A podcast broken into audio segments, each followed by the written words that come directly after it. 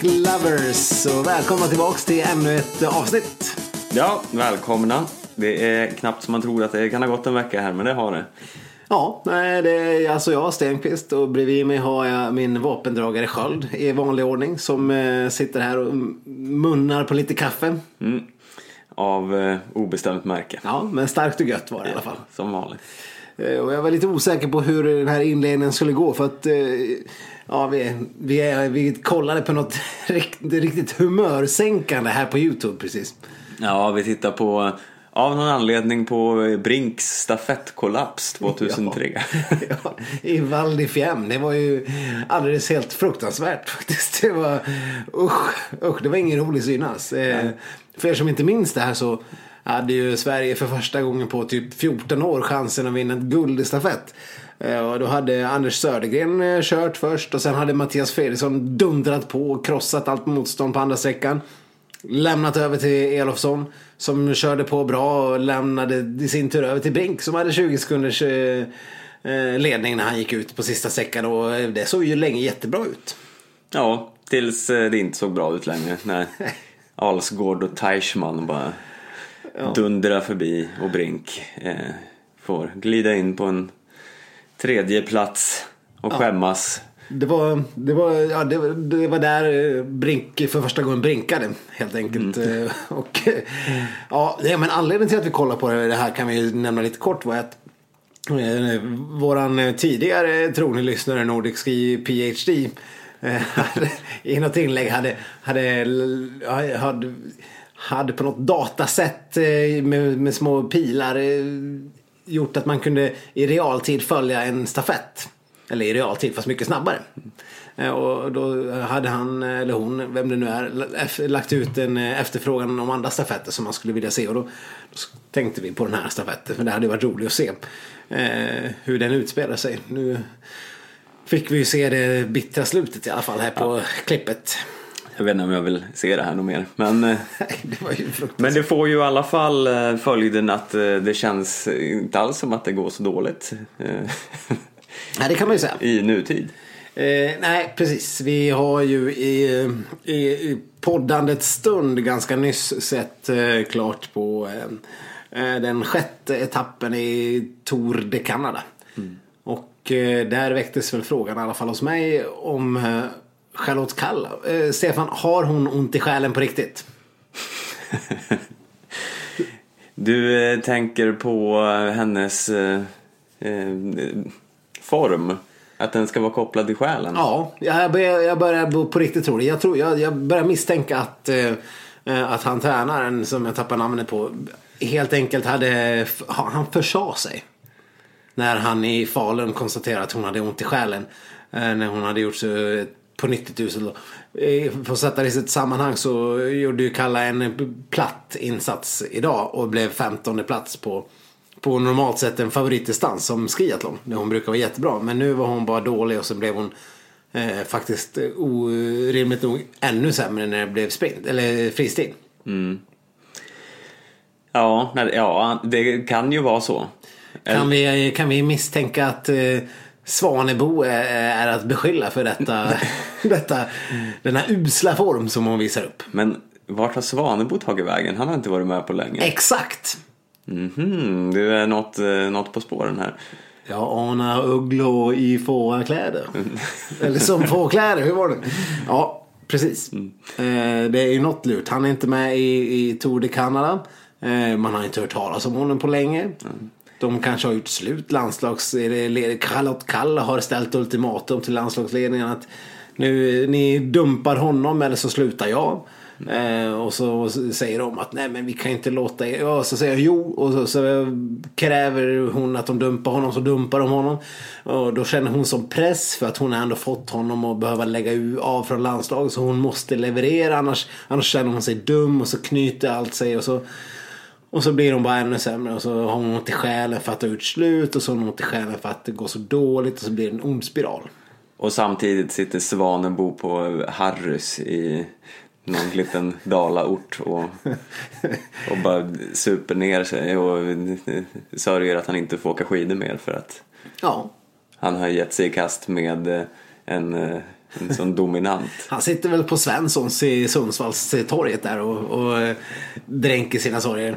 Ja. Eller vad hade man för sunkiga krogar i Su- Sundsvall? Mer, kanske mer ett sunkställe, man, eh, Bishops som man sitter Ja, men eh, Larssons Corner minns jag ett Ja, ställe. ja, det var rejält sunkigt.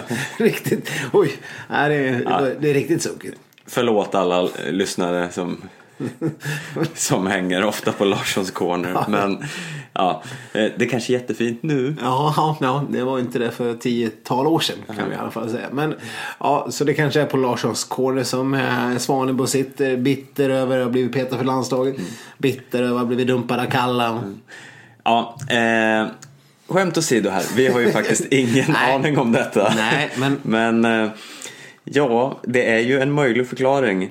Stjäla ont. Eller så är det helt enkelt så att eh, det är en mycket större skandal än vad vi tidigare har trott. Det här med eh, Karolinska läkaren, eh, a.k.a. tunnelbaneuteliggaren som har hyrts in på någon så här eh, firmafest i skidlandslaget. Ja. Som eh, eh, någon så här underhållning, lite som Kommunal har hyrt in Tony Irving för att, för att strippa. Så har skidlandslaget tagit in den här märkliga uteliggaren och Mm. Karolinska läkaren att utföra experiment med deras eh, halsar. Precis, precis. De trodde att det var någon form av magic show. Men egentligen ville man bara gå runt och experimentera lite. Ja. Och sen nu en efter en bara ryker de från, från laget. För det är ju typ halva laget har ju ställt in eh, Tour de Canada. Vi har ju kommit med den här uppmaningen förut att ni ska inte hångla med, med uteliggare på tunnelbanan. eh, Men det verkar inte riktigt ha gått fram. Eh, inte nått hela vägen fram till svenska landslaget i alla fall. Ja, det här manfallet som har varit nu under Tour de Canada är ju...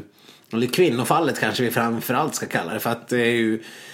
Inför den här uh, sjätte etappen så hade ju först eh, Stina och sen Ida och nej men det var ju inför nej, det var inför den femte, inför sprinten som både Ida, Stina och eh, Maria Rydqvist la av. Eller ställde in sin medverkan och sen eh, eh, nu senast var det ju också eh, en till.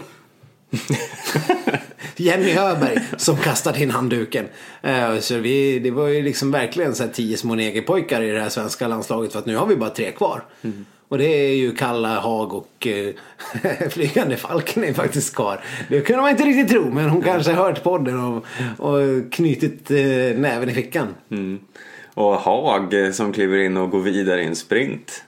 Ja, Det är ju sensationellt nog. Ja, men det var ju även om det inte gick så bra. mycket sensationer där. Kowalczyk gick ju för fan vidare och Ja, det- allt möjligt. Och Johaug och Weng ramlade kull. Och... Den är lite så här, det, det är som att titta på någon form av Alice i Underlandet den här Tour de Canada för det händer Ja. så mycket konstiga saker. Ja, ja, verkligen. Och ja, Och sen att eh, som sagt Kalla åker sämre på en fristilssträcka än på en klassisk. Så att efter en klassiska så kändes det ändå ganska okej. Hon var typ en halv minut efter. Och, och det, allt var ju skumt. Eh, Kommentatorerna sitter där och säger att nej men gud vad alla åker bra. Och, bara för att Johaug inte har ryckt ifrån dem med två minuter som hon borde ha gjort. Men det är inte att alla åker bra, det är att hon åker dåligt. Alla andra åker ju likadant. Det är ju ingen som utmärker sig på något sätt. Utan det är bara att hon inte åker två minuter snabbare än alla andra. Då är det inte alla andra som åker bra. Så det, var, det, var, det var när de sa något så dumt att, att alla andra åker så bra. Säger, säger Ja, Blomqvist. Man bara, ja, exemplariskt dumt. Det är klart att inte alla andra åker bra. nej, det är så mycket rimligare att det är Johaug som åker dåligt. Men de Ja. kan inte ens tänka sig att dra den. Men han är ju sig en ständig optimist också någonstans.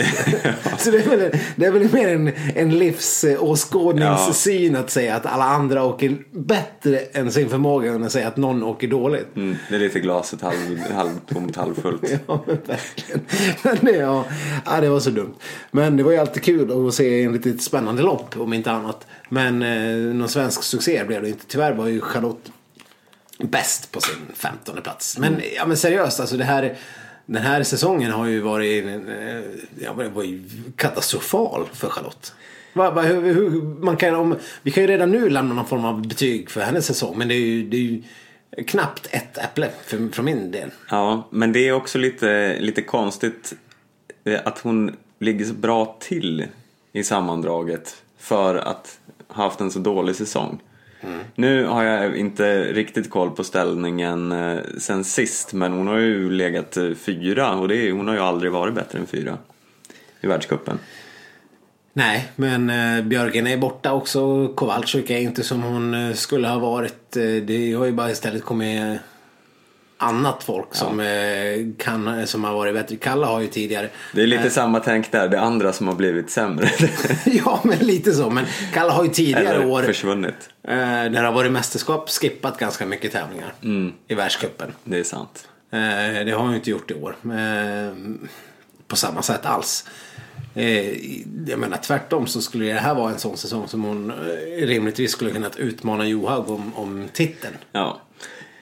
Absolut, jag håller med. Men jag tror ändå att jag, jag väntar med mi- mitt äppelbetyg till eh, nästa vecka när vi har allt. allt. Hon, hon kan ju fortfarande, om man ska ha något litet naivt hopp kvar, bara liksom tjonga till med, avsluta med en seger. Och då sitter du där med ditt, ditt enda äpple och bara skäms. Ja, nu har inte jag hört vad avstånden var efter, efter dagens tävling. eh, Alltså den sjätte när det är bara två kvar. Det är någon form av eh, fristilslopp, individuell start och sen, eh, sen jaktstarten. Men, men det måste vara minuters vi pratar om.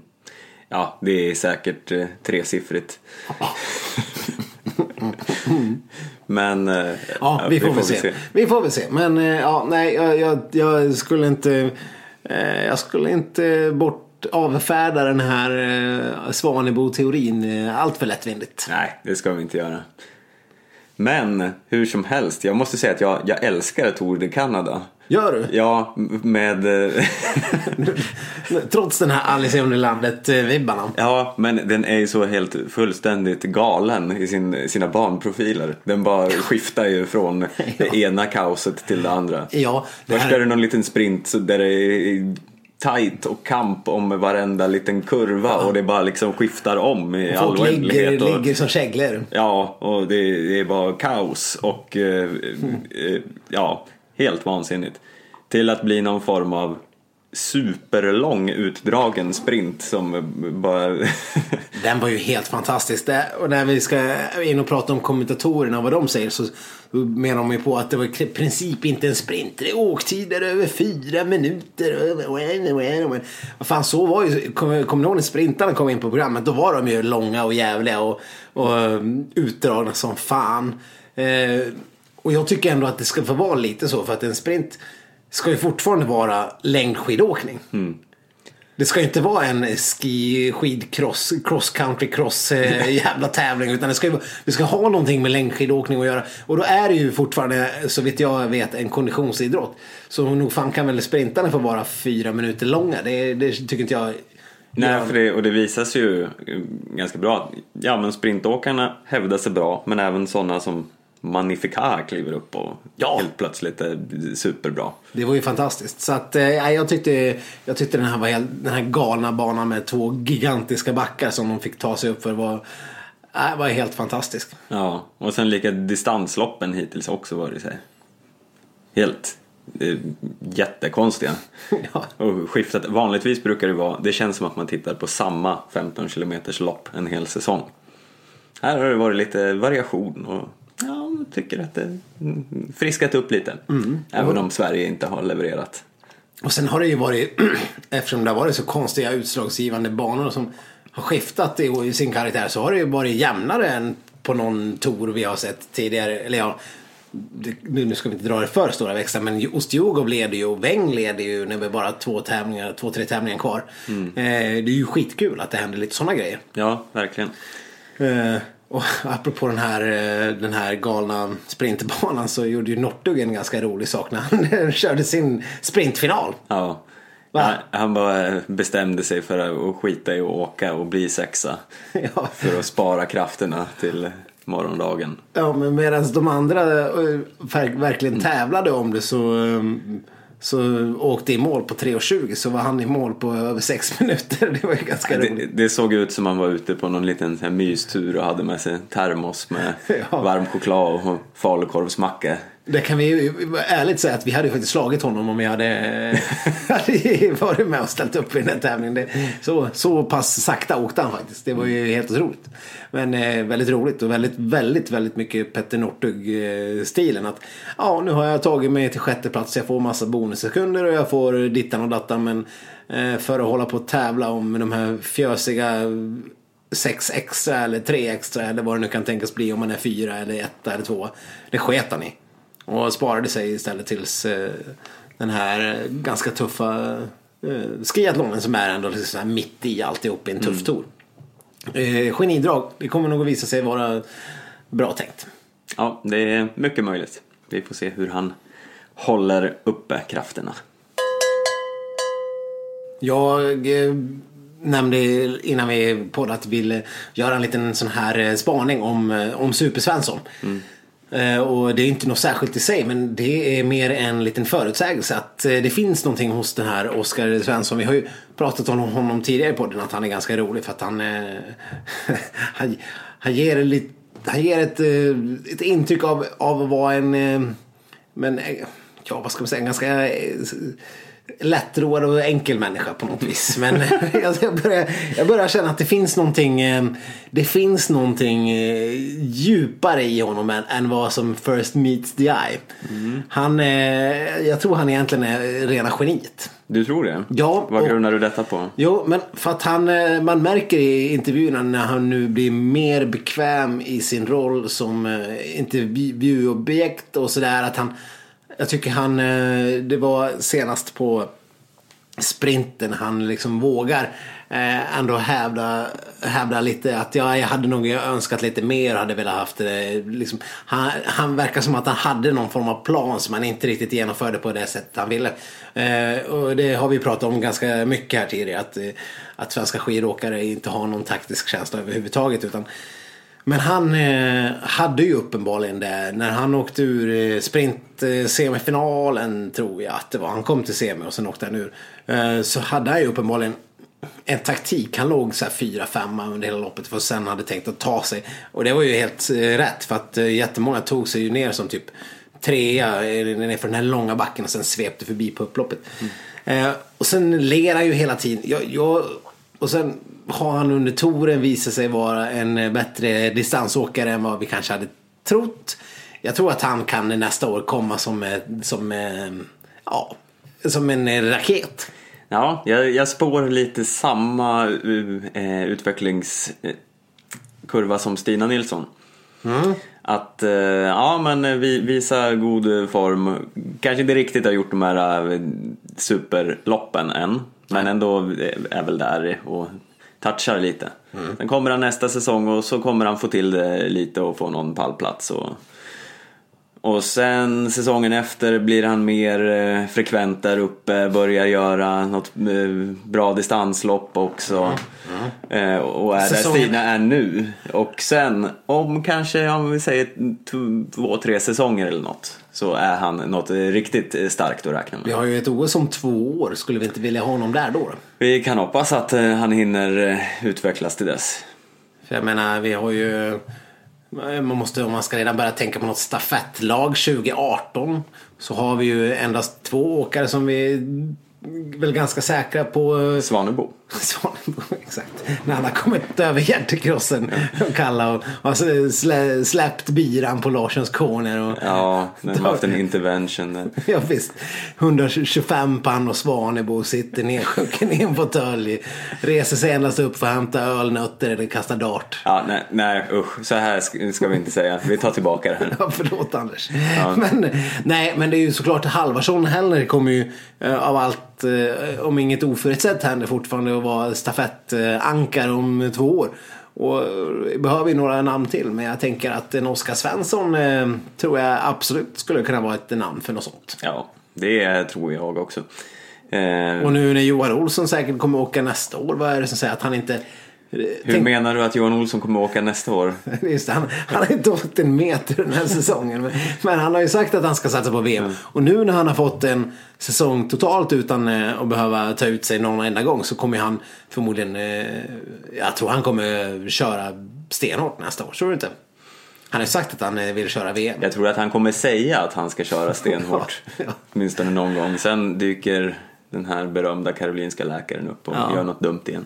Ja, nej, vad Johan Olsson behöver är ju säga tack och hej till sin familj så han kan eh, träna ostört något år. Ja, de får väl inte träffa honom någonting ändå. Han är... Det måste vara det absolut tråkigaste livet någonsin egentligen. Bara träna och träna och träna och träna och träna och sen inte få eh, göra det man har tränat för någonsin. Nej, det måste ju vara helt fruktansvärt tråkigt faktiskt. Det är som Kalle har haft den här säsongen. Han bara åkt och åkt och åkt och åkt och åkt och åkt. Och sen varit med i ett par lopp och sen igår åt helvete. Och Johan Olsson ska vi inte ens prata om.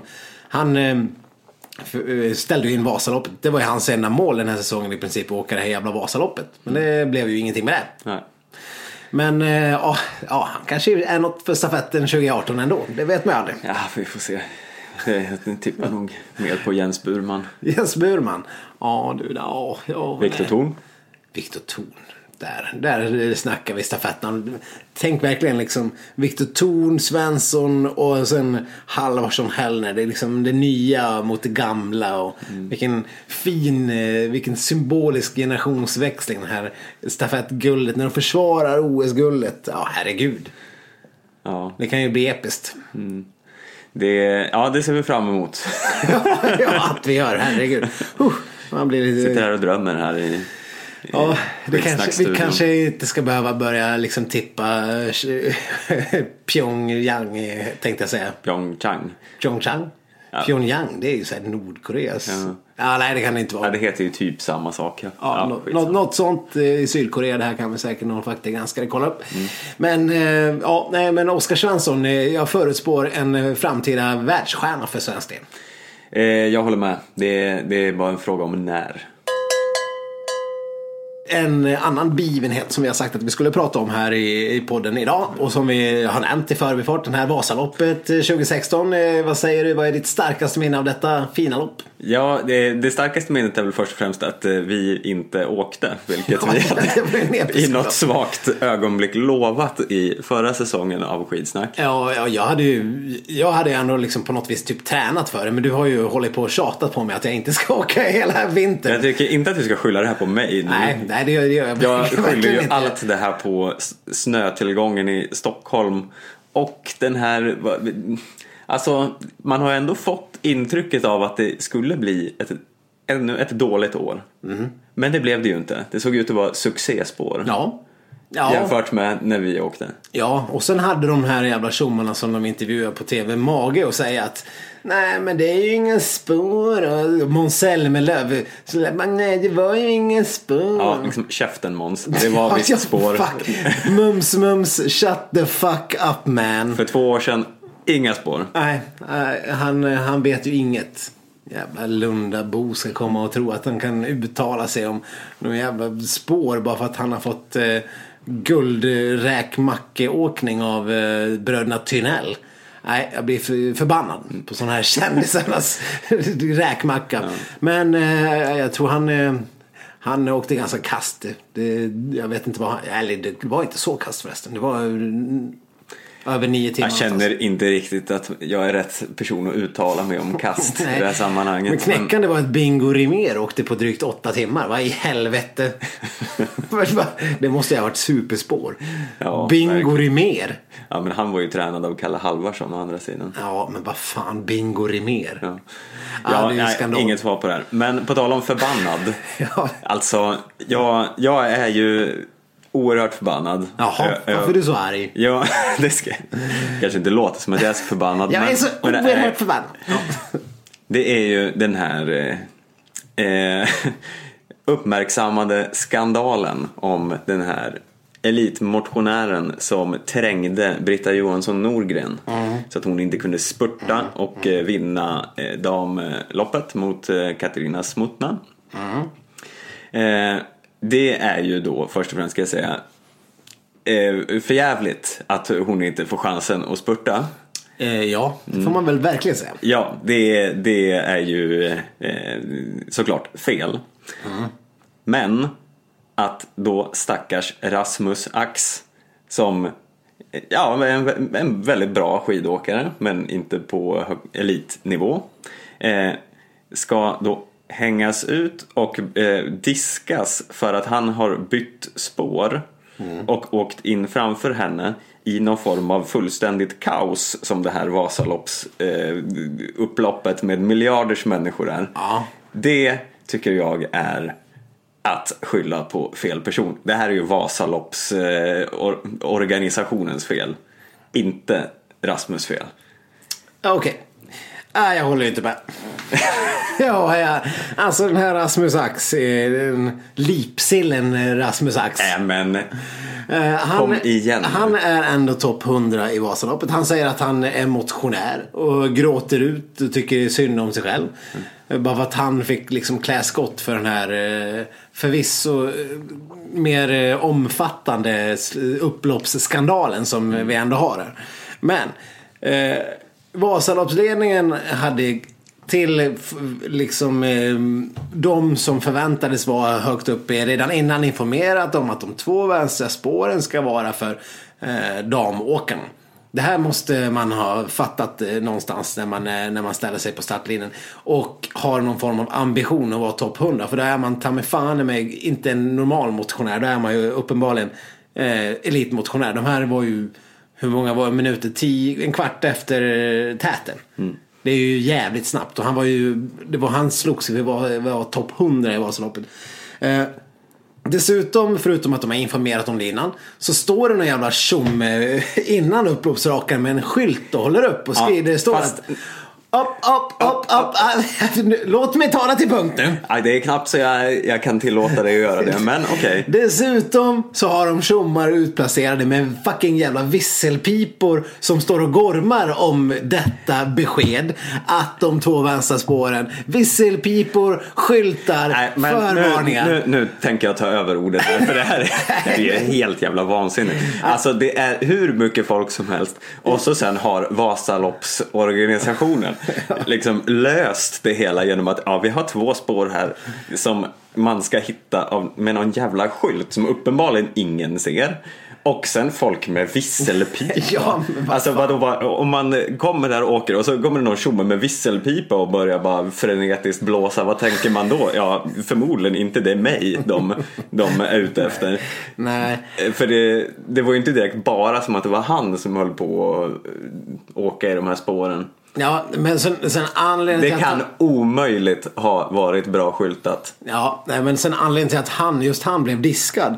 Det var ju mer för att han råkade dundra in i Britta Norgren i ett skede innan. Det var ju inte för att han gjorde något eh, sent byte just innan mål. Det var ju det, var ju det och att han, eh, man såg på tv-bilden när han liksom typ ramlar in i, i damåkarna när han druttar omkull nästan när han ska byta spår. Rakt in framför dem. Och jag menar, vad fan. Visst, Ja, det att Vasaloppsledningen har, har löst det på ett ganska dåligt sätt. Men vad är alternativet och vad ska de göra? Jag, jag tycker att eh, det, lösningen på det här är att strunta i fucking enskilda damspårsupploppet. För det kommer aldrig funka. Och man vill ju fortfarande gå igenom den här bågen och där finns det plats för fyra spår. Och hur ska man kunna ha någon lösning där damerna ska komma in på egna spår när de kommer mitt bland elitmotionärerna? Det går ju inte. Det, det, det är någon som ska egentligen eh, få fan för det här så är det ju Vasaloppsledningens Precis. initiala beslut att, Precis. eh, att bestämma att två spår ska vara. Eh, men när de väl har tagit det beslutet då tror ju de här stackars damåkarna att det är det som gäller. Och då har ju Vasaloppsledningen uppenbarligen trott att det hjälpte att informera om det innan men det har ju inte alla platt trappskallar, plattskallar förstått som eh, Rasmus Ax här som uppenbarligen inte lyssnade på instruktionerna innan. Nej, men det är ju knappast så att de har radat upp alla de här eh, elitmotionärerna på led och sagt att Hej alla, nu är det så Nej. att vi har två damspår här som, som men ni ska de får hålla väl ett utkik jävla efter. informationsblad eller något innan. De får väl för fan se till att... Har man, okej jag tycker så här. Har man en sån där nummerväst med sitt jävla namn på i alla fall. Där det står ens namn på bröstet som de flesta i det där eh, gänget har. Då har man fan med eh, jävla bundit sig upp och förstår reglerna innan. Men han visste ju inte ens att hon låg där. Nej, men då är man ju bara dum i huvudet. Om man har åkt i flera mil med en person med en gul nummerlapp som är 35% mindre än vad du är själv. Då kanske man borde inse att det är en dam och att hon är med i damtäten. Det finns även små män. Ja, det, nej, det måste vara. Nej, nej här kan skitsnacksduon kanske inte enas på alla punkter. Men eh, vi kan väl i alla fall skicka den passningen att Vasaloppet Eh, får väl ta och skrota det tänket med enskilda spår på upploppet. Ja, och att visselpipa är inte en lösning någonsin. Nej, men också... Jag tänker på den här scenen i Arrested Development när eh, han delar ut visselpipor till hela ledningen. Ja. Och sen kan de inte genomföra mötet för alla bara sitter och blåser i visselpiporna. ja, Lite så tror jag att det var. ja, ja, Det var någon sån här femåriga eh, korvutdelare som fick Ja. en visselpipor och så sen sprang de runt där och visste inte riktigt vad de skulle göra. Nej, men det har väl problemet med att Vasaloppsledningen är så naiva att de tror att folk eh, kan hålla sig ut efter eh, förutbestämda regler. Men eh, det går ju uppenbarligen inte eftersom folk är för korkade för sånt. Precis som med visselpiporna. Ja, jag tror vi går vidare här. Jag tror inte vi blir något klokare. Nej, vi behöver en kobjälla nu. Vi ska göra något helt oväntat i den här podden. Jaså, vadå? Ja, vi ska, vi ska prata om skidskytte hör och häpna. Ja, kul. Det var länge sedan. Du minns eh, vad det är för sport och så? Eh, Ja, vagt. Det är när man, eh, man åker runt med en armborst och, Precis. och försöker pricka saker på en tavla. Fast en mer modern variant av, Ja. av armborsttävlingen. Eh, Harpun. Precis. Någon, någon, form av, någon form av vapen har de i alla fall. Och eh, det har ju dragit igång ett VM, hör och häpna om detta. Eh, vi- kanske till och med nämnde det i någon podd att det skulle vara VM i Holmenkollen. Eh, annars är det största vikt vi har lagt vid skidskytte den här säsongen det var väl, det var väl han Sebastian Samuelsson. Ja, eller Insane Thorstein. Och Insane Thorstein har vi bra. Vi har ju ändå i alla fall, i alla fall liksom så här alibi nämnt, nämnt själva sporten ett par gånger. Men nu har det ändå i alla fall eh, hänt lite saker som eh, man kan tycka att det kan vara värt att nämna i den här eh, podden. I brist på Insane Thorstein hade vi ju vad var det hon, vad var det hon kallade? Ja, ja, men jag kände ju där när det gick så bra att nu, nu är det the time of Mayhem Mona. Just det. Mayhem Mona, Mona Brorsson. Ja. Men Mayhem Mona fäste inte riktigt eh, än. Mona. Mayhem. Ja, Mona Mayhem. Ja, det ligger ju bra i mun. Eh, Så vi lanserar det här och nu och hoppas att eh, hon eh, fyller ut namnet så småningom. Ja, ja hon, hon slog ju till i, inte i premiären ska jag inte säga, för det var ju någon form av mixstafett där. Sverige var sämst på plan i vanlig ordning. Eh, Men sen var det Mona Mayhems tur att kliva in i handlingarna. Ja, och, och det gjorde hon med besked. ja, ja, herregud. Eh, Hon satte folk på plats till höger och vänster. Nu låter det som att vi är ironiska här men det är vi faktiskt inte. Nej, men ja, det är någon form av blandning kanske. Man skulle. Nej, Hon kom ändå sexa Ja. och det är ju fantastiskt bra. Det är ju Helt bättre otro- än vad de flesta äh, åkare överhuvudtaget i längdsammanhang någonsin åker förutom Stina Nilsson. Ja, så är det ju. Och det här var ändå på VM.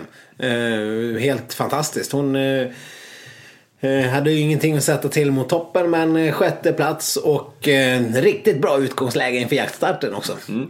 Och det förvaltade hon... Ja. Ja, sådär. Ja, ja. Det blev eh, Mo- Mona Mayhem blev vanliga gamla hederliga Mona Brorsson igen i jaktstarten kan man väl säga. Hon hade väl en 73 bom. Slutade någonstans kring Ja, jag vet inte om det var 40 plats eller om det kan man bli så långt efter en jaktstart. Det var i alla fall långt, långt, långt, långt från allt. Mm. Det, men det var ungefär som när Queen Elizabeth går och blir gamla Bettan igen. För att dra en Bettan Högberg-referens. Ja, vad hände med henne det här VMet? Är hon ens med? Nej, jag tror inte det.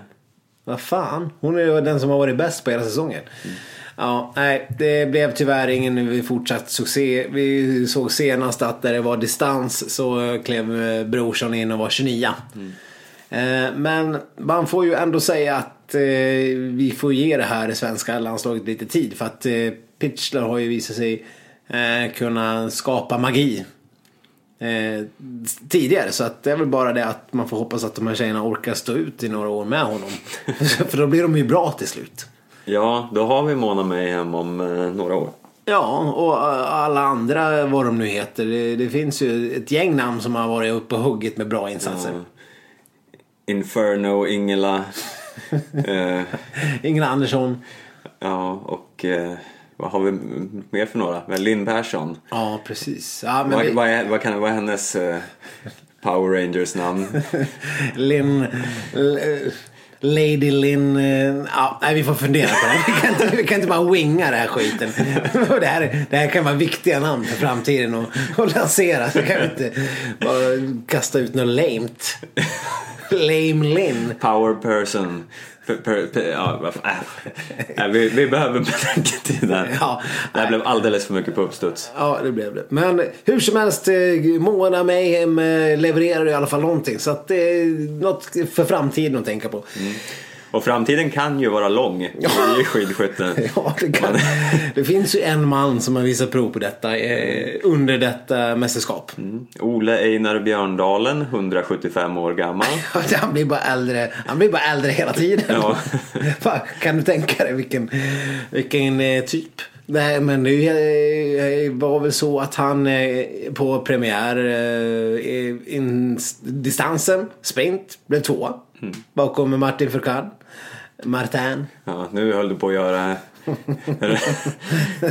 dödssynden som de här kommentatorerna Ni ska se Stefans blick när jag slänger ur med Martin Men vi har ju pratat om det här så många gånger tidigare. Han, om bara blickar kunde döda.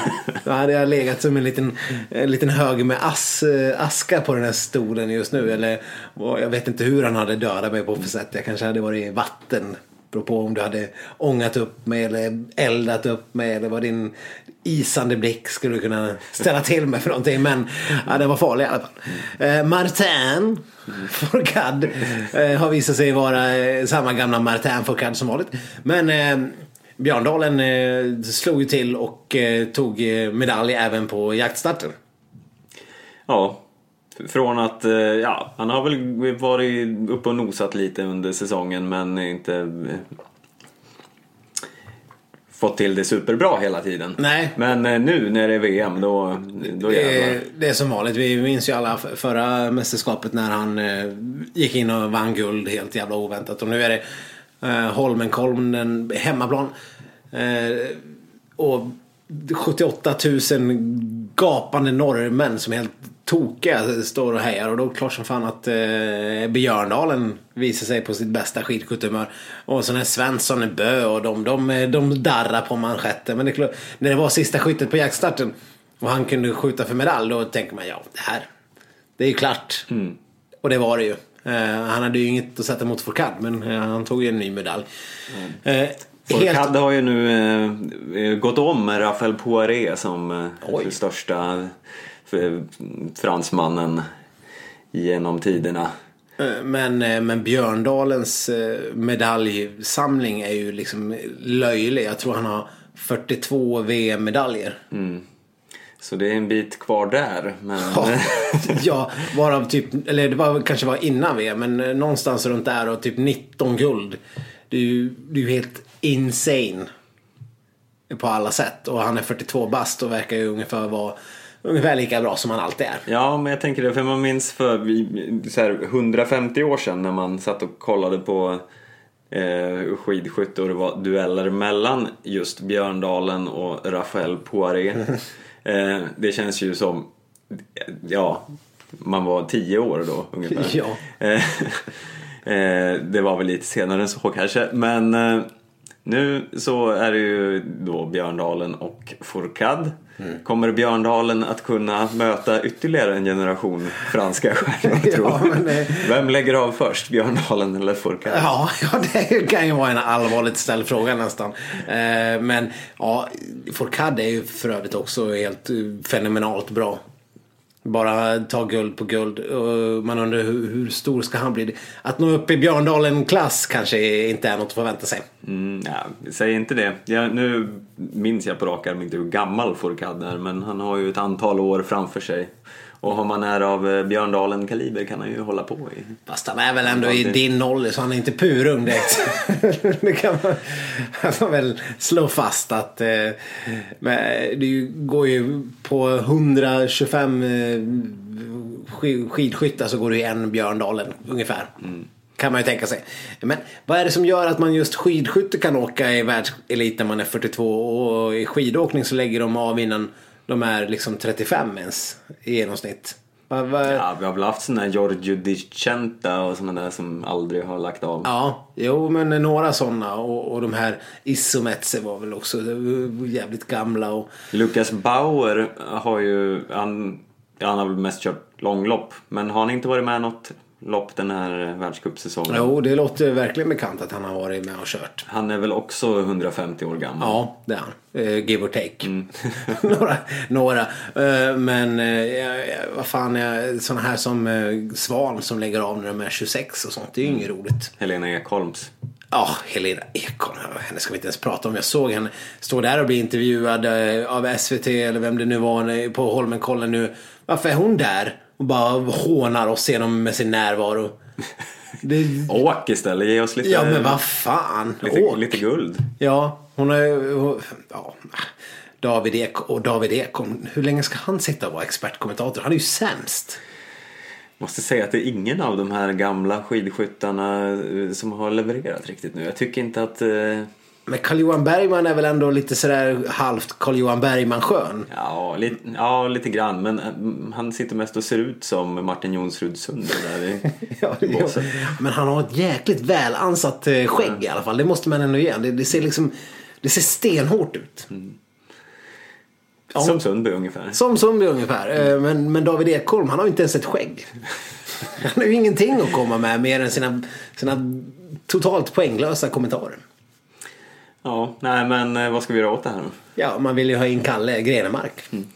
Det, det, det, det, Ja, bring back Kalle. Ja, vad fan händer med honom? Det är det enda man vill ha. När det är skidskytte. Man vill ha en Kalle. Men, Nu är det visserligen inte SVT som har eh, rättigheterna Nej. men eh, men eh, Kalle och Ulf Båge. Ja. Kommer du ihåg det radarparet Stefan? det var tider det. Det var, det, nu, nu, nu blir vi lite nostalgiska här. Nu låter det för övrigt som att vi är 150 år gamla när vi lyssnar på det här. Men Ja, ja, men eh, herregud. Vi kommer väl att prata om eh, David Ekholm och vem han nu kan sitta och kommentera med om 15 år också. Vi, när vi satt och kollade på det här eh, eh, stafetten 2003 så var det ju mycket riktigt Jakob Hård och Anders Blomqvist som kommenterade den VM-stafetten. Så det, det händer inte så mycket i den här sporten uppenbarligen. Det, man kan bara snabbspola 15 år och så är det samma namn. fast å andra sidan när den dagen om den dagen kommer när Blomqvist och Hård eh, kastar in handduken så kommer ju tittarsiffrorna att sjunka till hälften på Tror du? eh, Tror du inte att det är Pops som drar? tror att eh, de drar ett tyngre last där. Ja, Anders Blomqvist får ju aldrig lägga av. Man får ju, man får ju en Anders Blomqvist-klon innan han, eh, innan han schappar helt enkelt. Ja, eller, hård får inte lägga av, det ser jag som ännu viktigare. Jag känner att hård är viktigare i friidrotten än han var i skidåkningen. Jag tycker ändå att Jonas Karlsson skulle kunna ta en hård plats i, när det kommer till skidorna. Ja. Men, men när det väl är friidrott Jag skulle man... gråta många tårar om det hände, men Är det skulle ta lång tid innan jag kom Skulle över. du få lika läskiga ögon som eh, Jakob Hård har själv? Har du sett hur de ser ut eller? Men Ja, ja. Jag vet inte vad jag ska säga om det. jag ser det. Men nej, det är klart det vore väldigt tråkigt om, eh, om Jakob skulle lägga av. Eh, Vi, vi gillar ju ändå honom. Och, eh, men jag känner ändå att Blomqvist vore ännu, ännu tråkigare. Mm. Tråkigt med, med båda, Ja, men lite tråkigare med Hård. fast lite tråkigare med Blomqvist. Ja. Ytterligare en debatt som inte kommer att leda någonstans här. Det har inte varit en enande podd idag Stefan. Vad är, det- vad är det som händer i, i den här fina poddgemenskapen som vi i vanliga fall har? Ja, det, jag vet inte, det kanske är att det börjar lida mot säsongens slut som, eh, som Ja. triggar igång de här Vi är lite känslorna. trötta på varandra. Suttit och behövt stirra på den andras anlete i 15 avsnitt nu. Det, det börjar tära på krafterna. Ja. Eh, Men tack och lov så kanske det inte är så många avsnitt av, av den här podden kvar från den här säsongen. Eller vad tror vi? Nej, det, det kan väl mycket väl vara så att vi närmar oss en säsongsavslutning här. Ja. Men vi, vi ska inte precisera det närmare just nu. Nej, osuret är bäst. Mm. Så vi, vi är fortfarande i mars, herregud. Eh, så vintern är lång. Winter is coming. på alla sätt, det vet du. Det vet du. Men eh, vi kanske ska ta och runda av podden för idag i alla fall. Ja, det är väl lika bra. Och eh, ja, jag orkar inte ens säga det här längre. Vi, vi finns på internet, så leta upp oss där. Skitsnack heter vi. Vi är ja. överallt. Ja, google it man. Och kom med lite tips och förslag om vad vi kan eh, prata om så kanske vi kan ta upp det. Ja, någon liten feedback är vi alltid tacksamma att ta emot. Så att, eh, leta upp oss och kasta galla, spy galla, gör vad som. Eh, om ni inte gör det så hörs vi av igen eh, ja, om någon vecka drygt kanske. Ja, det brukar vara så ungefär. Vi säger så. Hej då! På återseende.